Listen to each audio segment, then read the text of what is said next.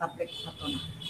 Dan juga dari itu perempuan solikah harus siap juga menoleh ke kanan, menoleh ke kiri untuk bersama dengan sekelilingnya bahwa uh, terbitnya satu masyarakat yang soleh dan diridhoi oleh Allah baldatun thayyibatun wafur adalah berangkat dari tangga rumah tangga yang mengenal Tuhannya, yang siap mengabdi untuk Tuhannya, ridho beragama Islam, ridho menjalankan syariat Islam, dan ini tidak ada yang bisa melakukan dengan sempurna kecuali dengan hidayah Allah. Kita bersama ta'awanu alal birri wa taqwa, wala ta'awanu alal ismi wal Itu kira-kira kalimat yang bisa saya sampaikan. Dan tentu saya berharap sharing ini menjadi brainstorming, sharing ini menjadi satu curah pendapat di antara kita. Terutama saya berharap perempuan-perempuan muslimah yang sekarang tentu akan memiliki tugas ganda yang luar biasa menjadi pendamping suami yang setiap hari berada di rumah. Yang kemudian juga mendampingi anak-anak yang harus sekolah melalui rumah dan juga menjadi orang-orang penyaji konsumsi yang bergizi dari dapur keluar satu hidangan yang bergizi yang akan membentuk kekuatan kekuatan-kekuatan tubuh dari insan Indonesia ini.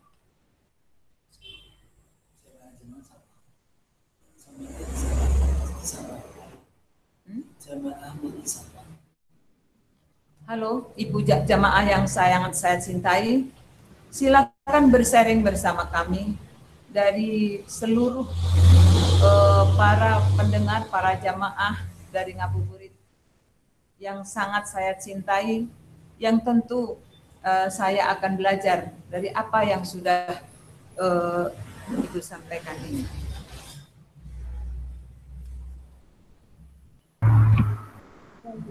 Masya Allah, Ibu.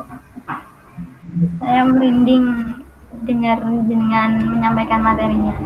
Apakah suara saya jelas? Ya, jelas ya. Alhamdulillah, Masya Allah. Saya benar-benar merinding dengan menyampaikan materinya. Akan saya masih merasa, saya sebagai perempuan sendiri, merasa masih belum bisa menjadi wanita muslimah yang seutuhnya. Bahkan banyak dosa-dosa yang masih saya lakukan. Nah, mungkin buat para uh, apa audiensi atau jamaah sekalian yang akan ingin menyampaikan sebuah pertanyaan atau sharing dengan Ibu Cici bisa langsung ngemut nge-unmute record eh nge-unmute suaranya dan menyampaikan pertanyaan ataupun bisa melalui chatting. Nah, Bu, di sini saya mau bertanya gitu, Bu. Ya, silakan silakan kan uh, kan saya juga sebagai perempuan ya. Uh, pasti untuk menjadi uh, un untuk melakukan suatu keistiqomahan yang kecil itu pasti membutuhkan proses yang panjang. Bahkan bahkan ada yang keberatan dalam menjalankan keistiqomahan gitu bu ya. Nah saya mau bertanya gimana menurut jenengan? Adakah tips trik untuk kita bisa mudah dalam menjalankan suatu keistiqomahan tersebut biar nggak ada berat hati. Biasanya kan kita kalau mau menjalankan suatu istiqomah kadang iya kadang enggak kadang iya kadang enggak. Nah itu bagaimana menurut dengan tips dan trik biar kita mudah dalam menjalankan suatu keistiqomahan? Terima kasih. Iya. Terima kasih. Uh, saya akan mencoba untuk bersama menjawab.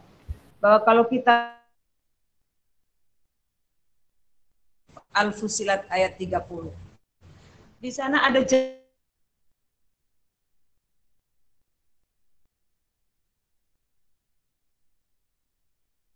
janji Tuhan. Janji itu tidak murah. Artinya kalau siapa pun yang menguh adalah Tuhanku dan aku akan istiqomah mengabdi kepada Allah. Maka di sana sudah tersedia katanya wa absyiru bil jannati allati kuntum Tuhan. Allah akan menjanjikan satu surga yang luar biasa untuk orang-orang yang seperti itu. Oleh karena itu mendidik diri untuk menjadi istiqomah. Tentu pasti ada halangan. Oleh karena itu saya senantiasa mengajak untuk supaya tidak hanya sekedar belajar agama, tetapi juga belajar untuk mempraktekkan perintah-perintah Allah itu dan itu awalnya harus berangkat dari keikhlasan. Kalau orang sudah ikhlas, ikhlas itu akan selalu membawa kita untuk menyukai perbuatan itu. Kita ikhlas merawat anak, maka tentu kita akan berada dalam posisi sangat-sangat suka untuk merawat anak ini. Tanpa ada keberatan, tanpa ada undat-undat, tanpa ada omelan, tanpa ada caci maki, semua rasanya indah sampai terkadang baju baru ganti, kemudian anaknya kencing. Apa kata ibu? Ya Allah, anakku bisa kencing, alhamdulillah. Itu satu tanda bahwa kita melakukan itu dengan suka.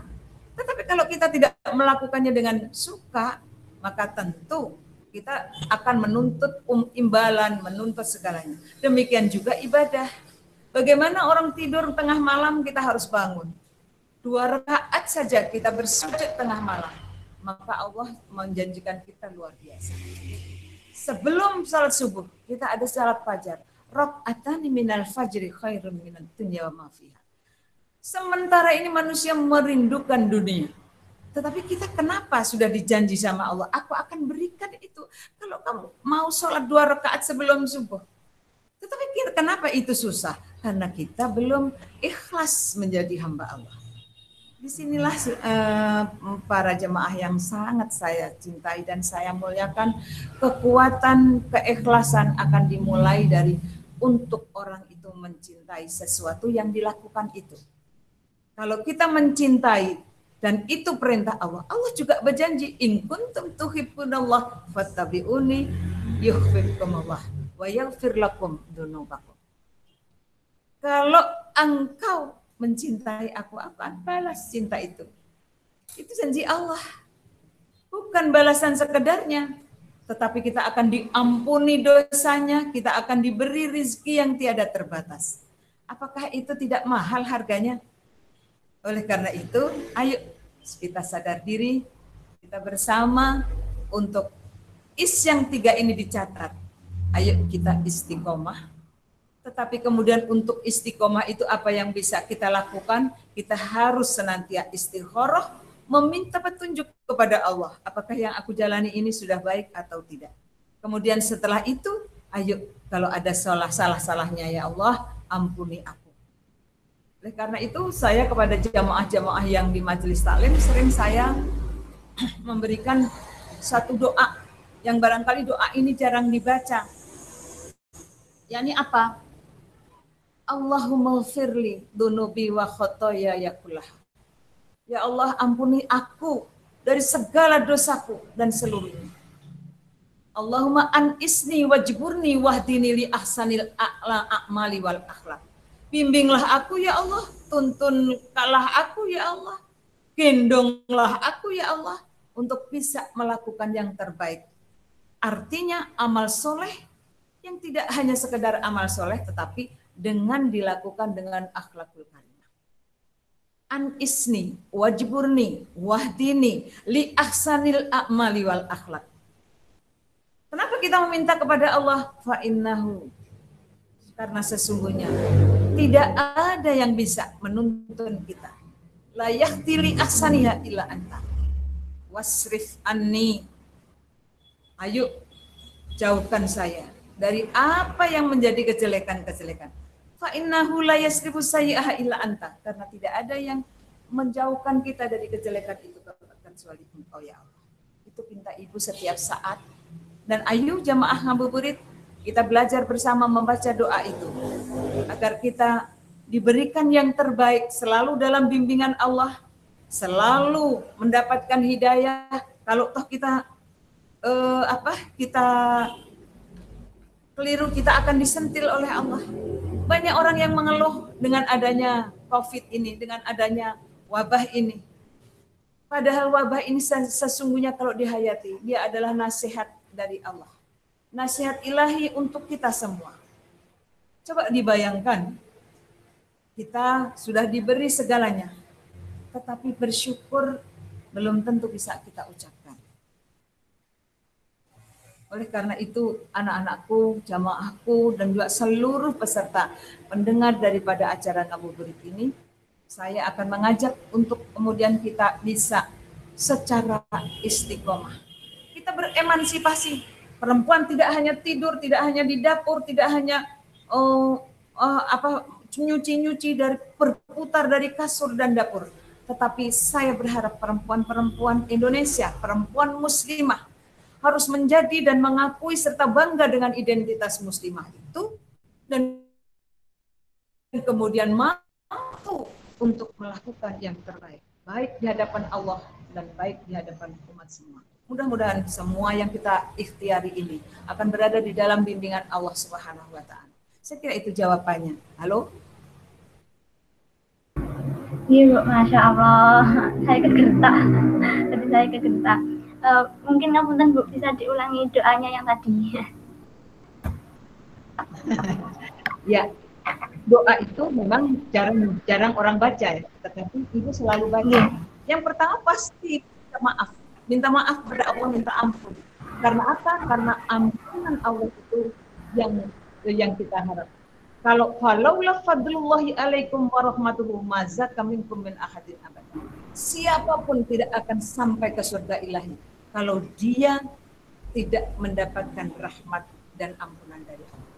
Oleh karena itu, saya selalu mengajak, ayo dimulai dengan Allahumma firli dunubi wa khotoya ya pula. Ampuni aku ya Allah segala dosaku dan seluruh salah-salah khilafku. Kadang-kadang perempuan jarang yang mengakui kesalahan. Apa katanya kalau suami bilang, jangan begini.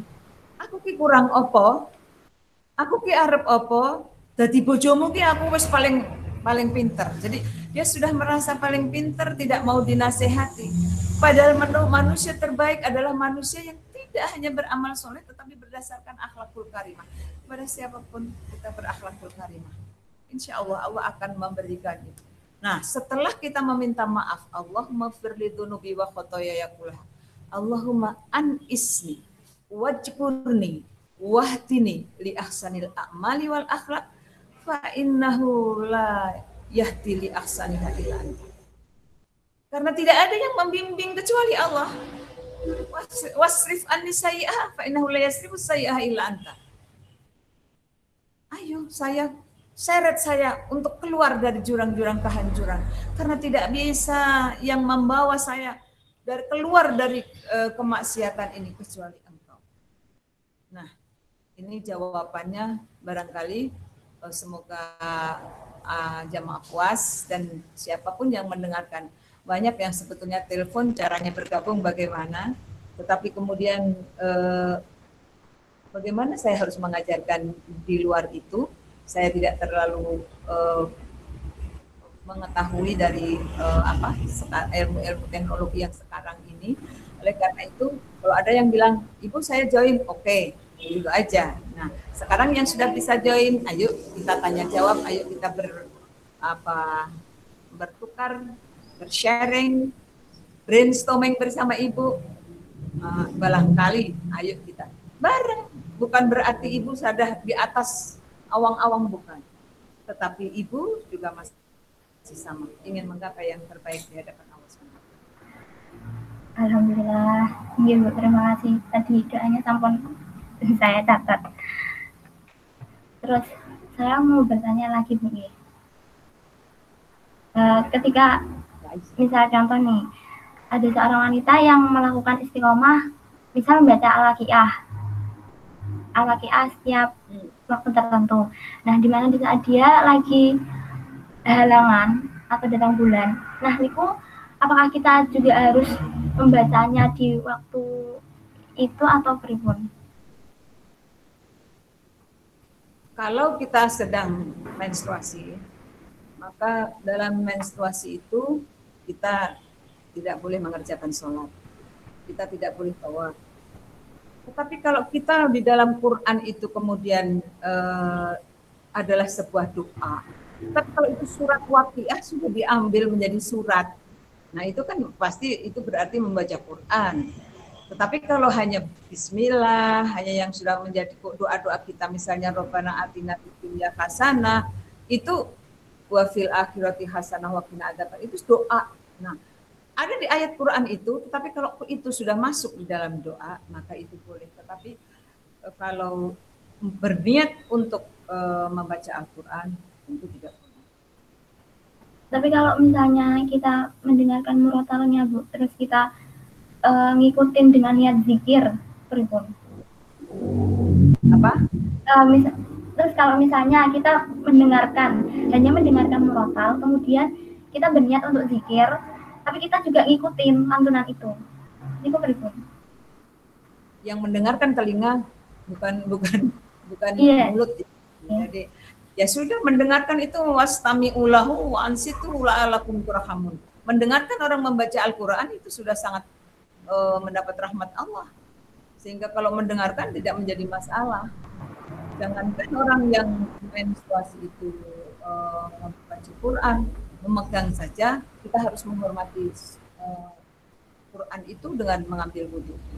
lah ya ilmu mutahhar. Meski di dalam uh, apa madhab-madhab berlain-lainan ada yang mengatakan uh, itu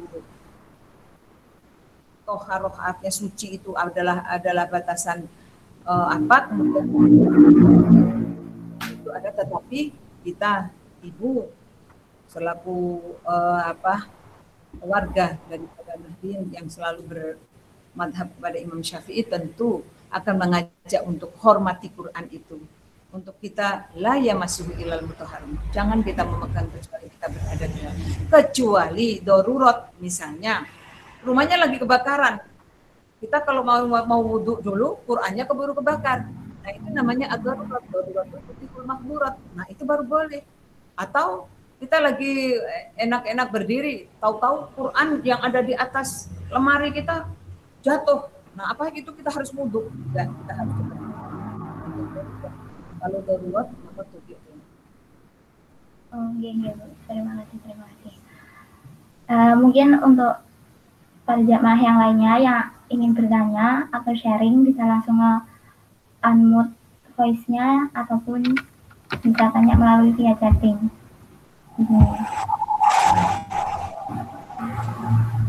Nah, ini mantan pertanyaan nggih, Bu nggih dari Kak Sela. Mohon izin tanya Ibu, wanita luar biasa yang bisa yang bisa tangguh saat ini seperti apa Ibu? Bagaimana? Uh, wanita luar biasa yang bisa tangguh saat ini seperti apa Ibu? Yang pertama tentu wanita solikah yang menjadi idaman adalah wanita yang takwa kepada Allah Subhanahu wa taala. Uh, Innal insana lafi khusrin illal ladina amanu wa amilus solihah wa tawassaw bil haq wa tawassaw bis Itu prinsip. Jadi siapa orang yang yang uh, hebat untuk zaman ini? Maka yang pertama tentu aman, orang yang beriman. Lalu kemudian dia beriman dengan amal soleh amal soleh jangan lupa jamaah. Bahwa amal soleh itu adalah sebuah amal yang dilakukan berdasarkan coba uh, uh, pandangan mata.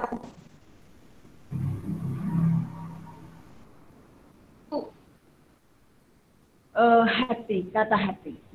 Oleh karena itu akhlak itu harus menjadi nomor satu dasar daripada amal ini supaya dicatat oleh Allah menjadi amal soleh.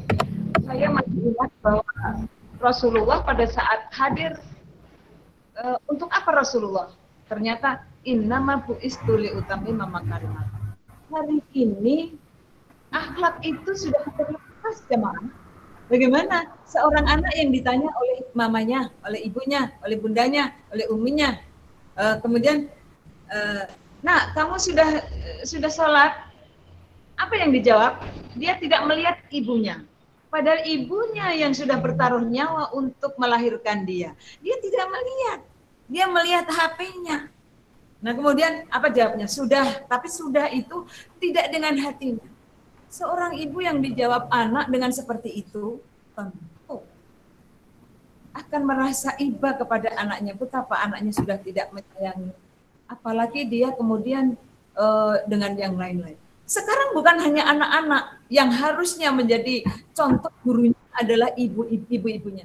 Ibunya sering bertanya kalau HP-nya bunyi, lalu kemudian suaminya memanggil, siapa yang lebih dahulu dijawab? HP-nya apa suaminya? Ternyata HP-nya.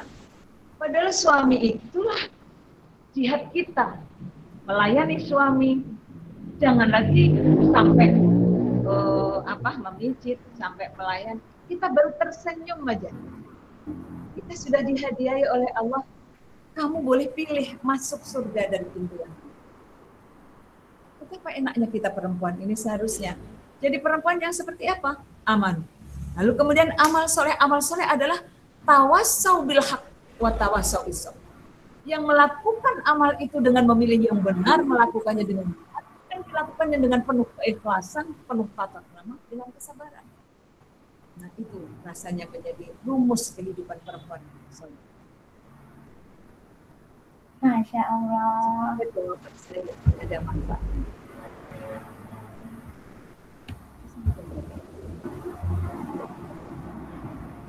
Masya Allah Ibu hmm, jawabannya amat sangat menyentuh bagi saya sebagai wanita. Hmm. Terus saya bertanya lagi ke telepon Ibu nih, nanti sharing Iya. Ah, kan maksudnya sifat seorang wanita kan berbeda-beda. Salah satunya ada yang tergesa-gesa, ada yang santai dalam menjalankan suatu kegiatan atau, atau aktivitas. Nah, terus menurut jenengan bagaimana dengan wanita yang sifat apa yang tergesa-gesa untuk dalam dalam melakukan suatu kegiatan dan hasilnya itu pun tidak maksimal. Terus bagaimana menyikapi dan untuk menjadikan kita sebagai wanita yang santai dalam menjalani segalanya itu pripun? Ya. Terima kasih. Tapi susah susah untuk dijawab. Pertanyaannya mudah. Bagaimana kalau kita melakukan sesuatu dengan tergesa-gesa? Tergesa-gesa adalah satu satu uh, nilai yang relatif ya.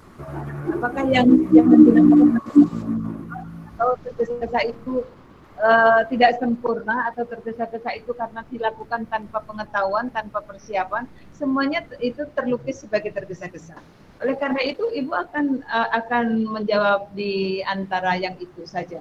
Artinya, tidak ada satu pekerjaan yang tidak di, uh, dimulai dengan niat.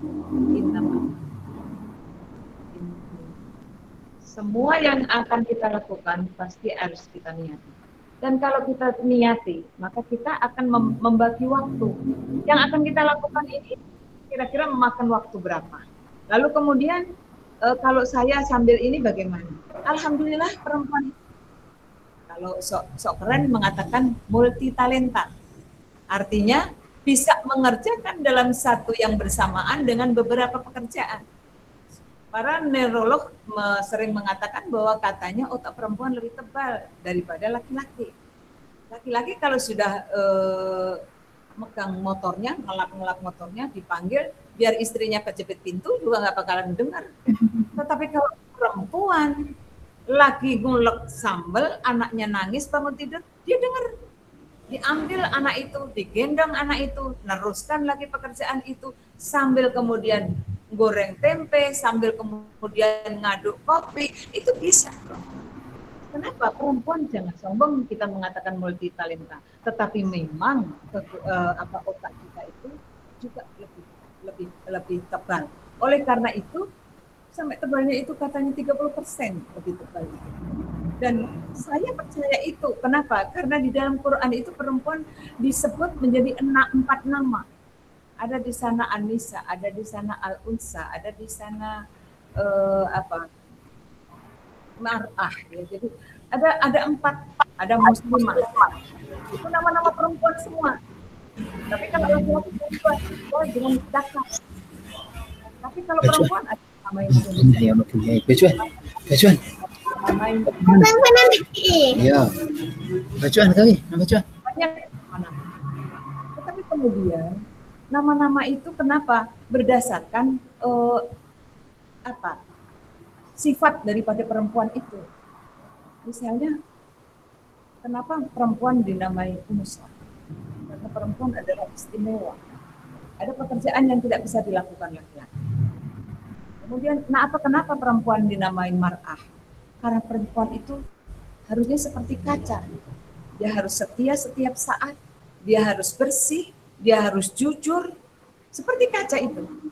Kalau kaca itu tidak bersih, orang malas pakai.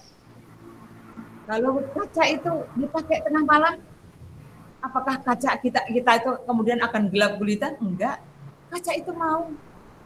Kita bangun jam satu, lalu kita melihat uh, mata kita, apakah mata kita masih trip-trip, itu itu tahu dan kaca itu mau. Tetapi jujurnya dan setiap saat kita itu mar mar'ah. Oleh karena itu mar'ah itu karena dari mir'ah itu. Nah, tetapi kita juga harus menjadi muslimah al khudu wal istislam. Tunduk dan berserah diri itu perempuan. Ada sifat ketundukan. Jangan pongah. Meski kita menang, kita tidak bisa untuk kemudian melangkai suami kita. Kenapa? Karena kita menjadi orang yang disuruh untuk al-khudu wal istislam, tunduk dan berserah diri. Jemaah ngabuburit yang saya cintai, rasanya membahas tentang kamus perempuan.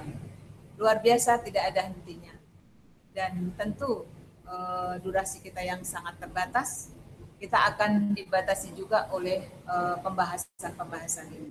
Saya eh, mohon maaf kalau misalnya kok dalilnya cuma pendek-pendek? Ya karena waktunya pendek gitu. Tetapi kemudian emansipasi perempuan ini sebagai perempuan muslimah sesuai dengan tema kita sore ya, hari ini. Perempuan di bidang politik bisa. Perempuan di bidang bisnis bisa.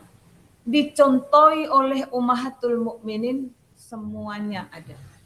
Perempuan-perempuan yang rajin menulis ada, perempuan-perempuan yang rajin untuk menyampaikan dakwah ada, perempuan-perempuan yang care di bidang politik ada. Oleh karena itu jangan lupa agar supaya perempuan ini tidak menjadi bunga di dalam sebuah event itu, maka perempuan ini harus memiliki kecerdasan dan kepandaian.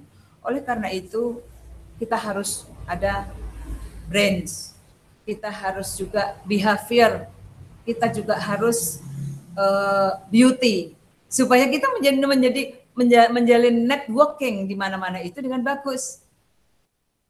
Apa what the meaning? Apa yang kita uh, maknai dengan uh, semuanya itu? Kita harus punya kecerdasan, skill di dalam apa yang kita lakukan. Saya melihat ibu-ibu yang pinter tahlil, kalau misalnya, ayo pimpin tahlil, itu cepat uh, megang mic itu. Tetapi kalau uh, orang itu tidak menguasai peluntiran yang katanya mau repot lah, yang kayaknya dia uh, masih harus uh, menolong di dapur lah, itu kalau dia tidak menguasai. Oleh karena itu saya yakin dengan brains itu, dengan skill yang dimiliki itu, kita mampu akan menatap dunia ini. Lalu kemudian kita juga harus behavior, kita harus menjalin network. Kita tidak bisa hidup sendirian. Kita harus tawasau bil hak, watawasau bisop. Kita harus bisa saling berbagi untuk mencari kebenaran dengan penuh kesabaran. Kita harus ta'awanu alal birri wa taqwa. Kita harus uh, apa? Hablum minan nas. Kita saja kalau misalnya salaman, orang orang kalau diajak salaman sekarang kan nggak mau ya karena ada ada wabah ini. Baik tetapi ada cara lain. Hadapi perempuan itu hadapi tamu kita itu hadapi lawan bicara kita itu meski tidak salaman. Mungkin kita sekarang diberi wabah untuk tidak salaman kenapa? Karena mungkin salaman itu sudah merajalela keter uh, uh,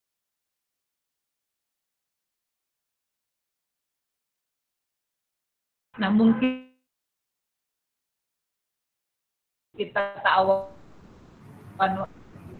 alal diri wa taqwa, saya akan menyampaikan bahwa andai kita bersalaman sewajarnya, maka tentu Allah tidak sampai boleh bersalaman.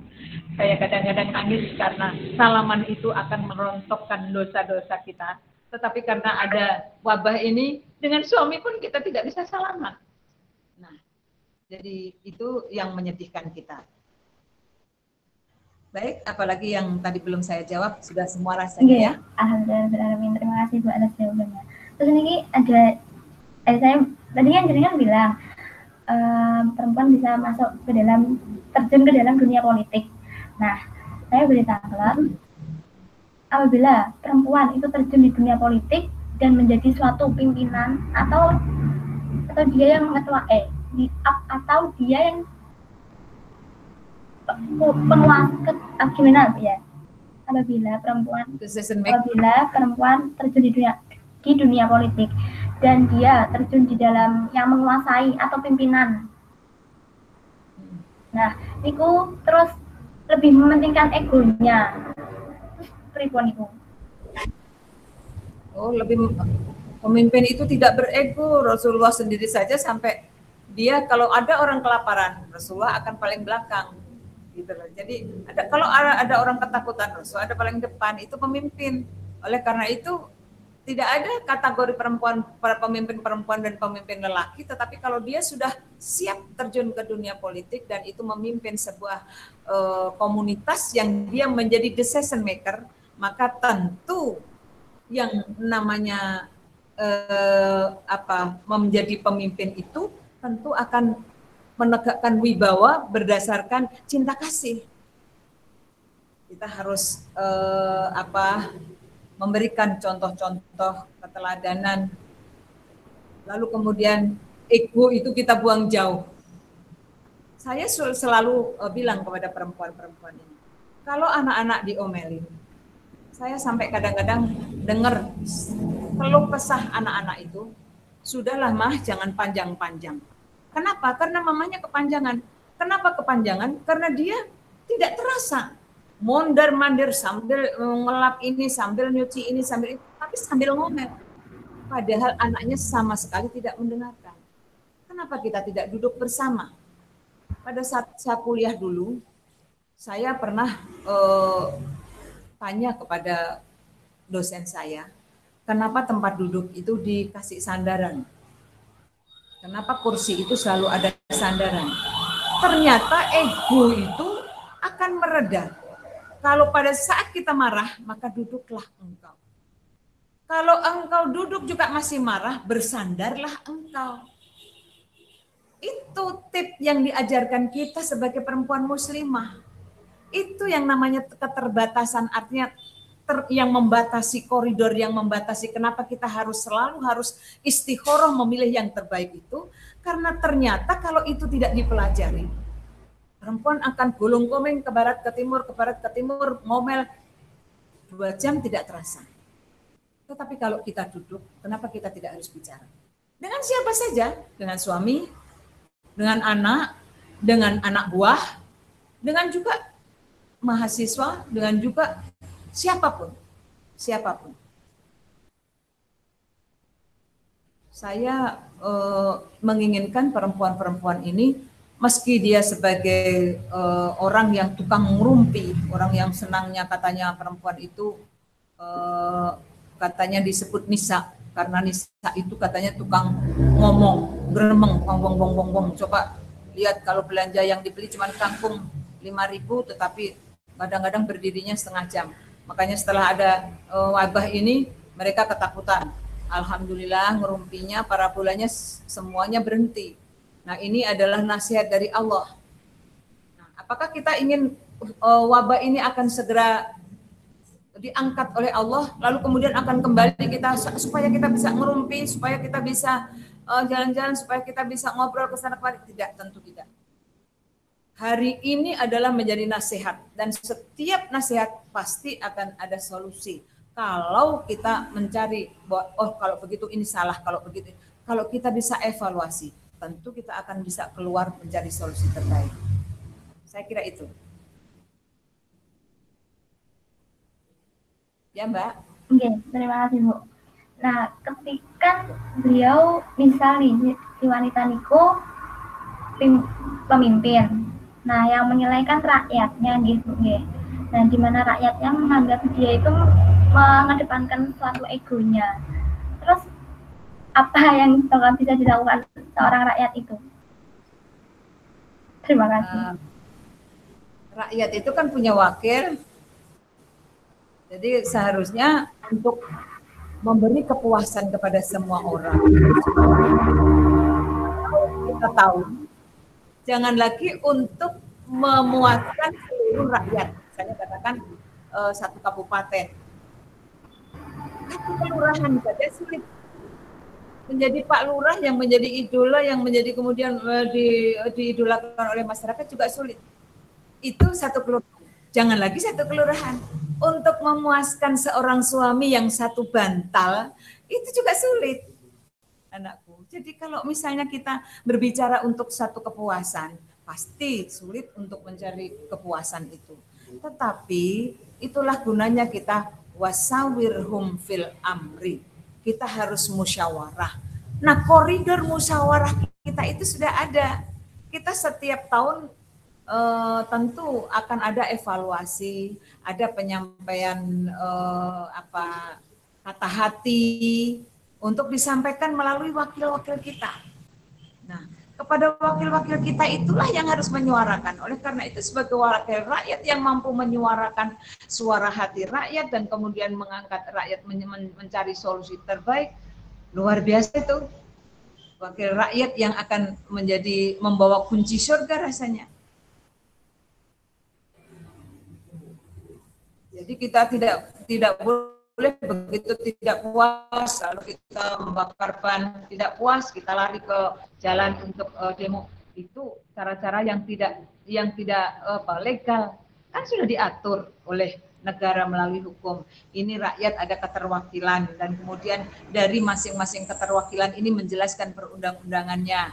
Uh, maka undang-undang itu tidak akan lepas dari keputusan perwakilan kita ini karena sistem legislasi, sistem uh, apa budget tank dan sebagainya itu pasti akan dimiliki oleh wakil-wakil kita dan wakil-wakil kita itulah tempat kita curhat. Kita harus mencurahkan hati kita. Apa yang menjadi ketidakpuasan kita. Harusnya tidak seperti ini, harusnya tidak seperti ini. Kadang-kadang aturannya sudah bagus tapi sampai di bawah ternyata uh, tidak sebagus yang kita.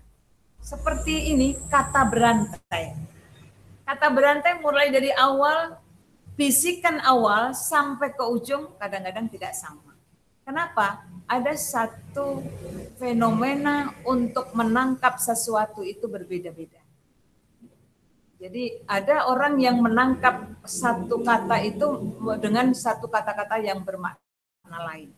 Nah itulah yang menyebabkan kadang-kadang kita harus ketemu dan bermusyawarah saya uh, apresiasi sekali bagus melalui dunia maya kita bisa berjumpa kita bisa ber eh, apa berhubungan. Tetapi kalau semuanya melewati hanya telepon-teleponan rasanya silaturahim itu tidak mencapai tidak mencapai tujuan. Silaturahim itu adalah adanya satu kemauan untuk interaksi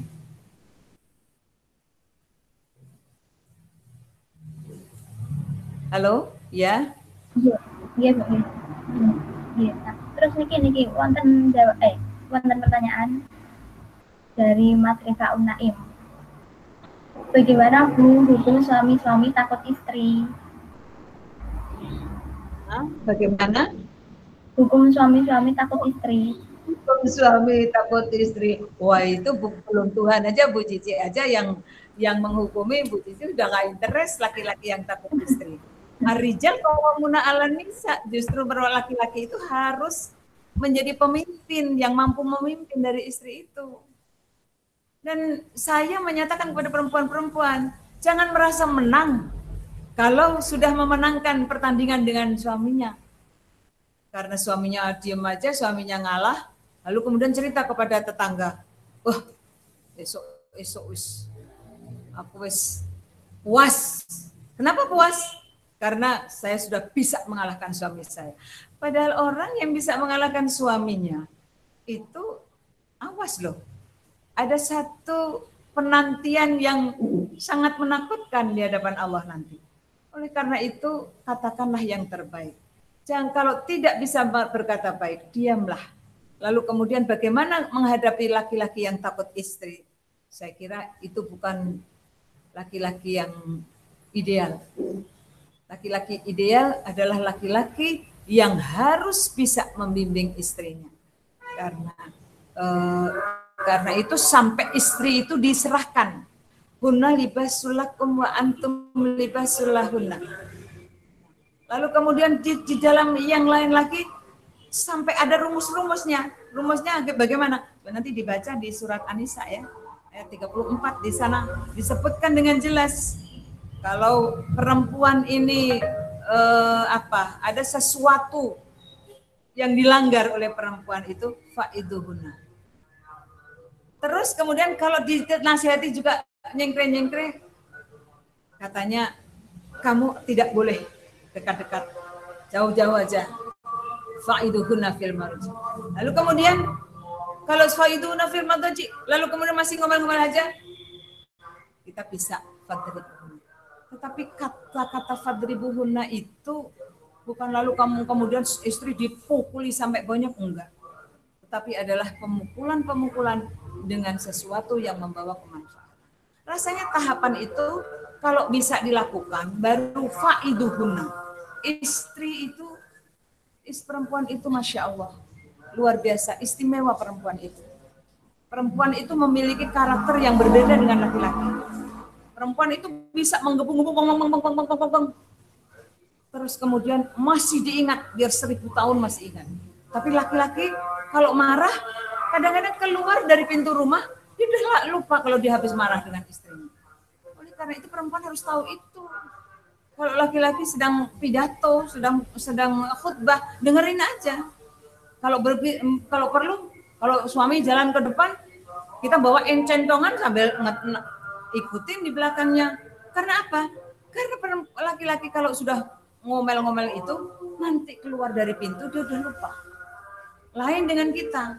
Kita sudah dibelikan gelang, bilang terima kasih, tapi sambil gini ya matur nuwun tapi aku nek eling loh itu loh itu itu kata-kata itu yang yang menjadi bibit pertengkaran dan itu dimiliki oleh perempuan nah kebiasaan itulah maka perempuan itu dinamakan nisa cuma ngeremeng taksurnal lakna wa takfurnal asyir kalau bahasa nabi. Saya kira itu. Mungkin kita akan ketemu.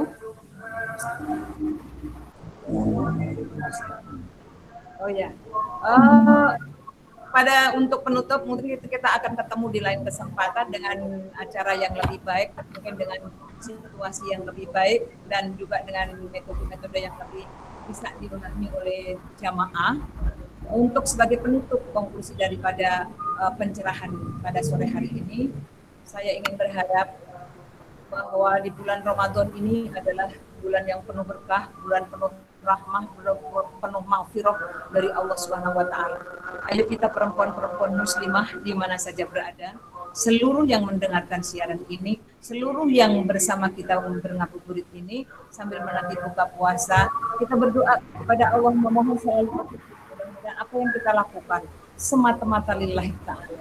Hanya berharap ridhonya Allah, hanya berharap bimbingan Allah, hanya berharap uh, ridho dan inayahnya Allah. Lalu kemudian kita setelah itu ayo kita belajar dengan baik. Miliki skill kita sebagai perempuan muslimah dengan skill yang baik, dengan skill yang sesungguhnya. Ini baik atau ini tidak baik menurut koridor wanita muslimah. Perempuan-perempuan muslimah harus senantiasa bangga menjadi muslimah. Tidak boleh karena ingin meniru uh, apa model-model atau untuk menjuarai satu uh, kejuaraan lalu kemudian dia harus mengorbankan akidah yang telah dipelajari. Kemudian yang ketiga setelah kita bisa beramal jangan lupa ayo kita muliakan bulan ini, kita ramaikan bulan ini, kita berharap ridhonya Allah dengan baik, banyak-banyak membaca Al-Qur'an, banyak-banyak uh, beristighfar kepada Allah Subhanahu wa taala dan banyak-banyak berdoa, terus berdoa karena tidak ada yang kuasa kecuali Allah Subhanahu wa taala. Untuk menahan uh, apa wabah yang semakin menggila. Tidak cukup obat, Allah Subhanahu wa taala yang menurunkan wabah ini dan wabah ini adalah uh, atas izin Allah. Oleh karena itu ayo kita berdoa. Bismillahirrahmanirrahim. La yadurru sya'un fil ardi wala fis sama.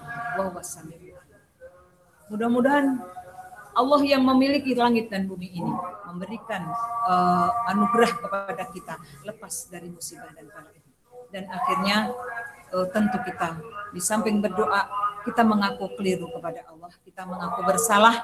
Mudah-mudahan pertemuan dan perjumpaan yang sekilas ini ada manfaatnya manfaat untuk kepentingan kita bersama manfaat untuk seluruhnya dan manfaat untuk perempuan Indonesia, perempuan muslimah Indonesia, perempuan yang diridhoi Allah, perempuan yang dicintai Allah. Allah wa iyyakum ajmain. Wallahu muwaffiq ila aqwamit thoriq. Assalamualaikum warahmatullahi wabarakatuh. Waalaikumsalam warahmatullahi wabarakatuh. Waalaikumsalam warahmatullahi wabarakatuh. Terima kasih Bu Siti uh, atas penyampaian materinya. Semoga berkah untuk kita semua yang, yang mendengarkan. Akhir kata, apabila saya Bila hidayah. Wassalamualaikum warahmatullahi wabarakatuh. Waalaikumsalam warahmatullahi wabarakatuh. Matur Bunda atas sharingnya pada kami. Semoga berkah.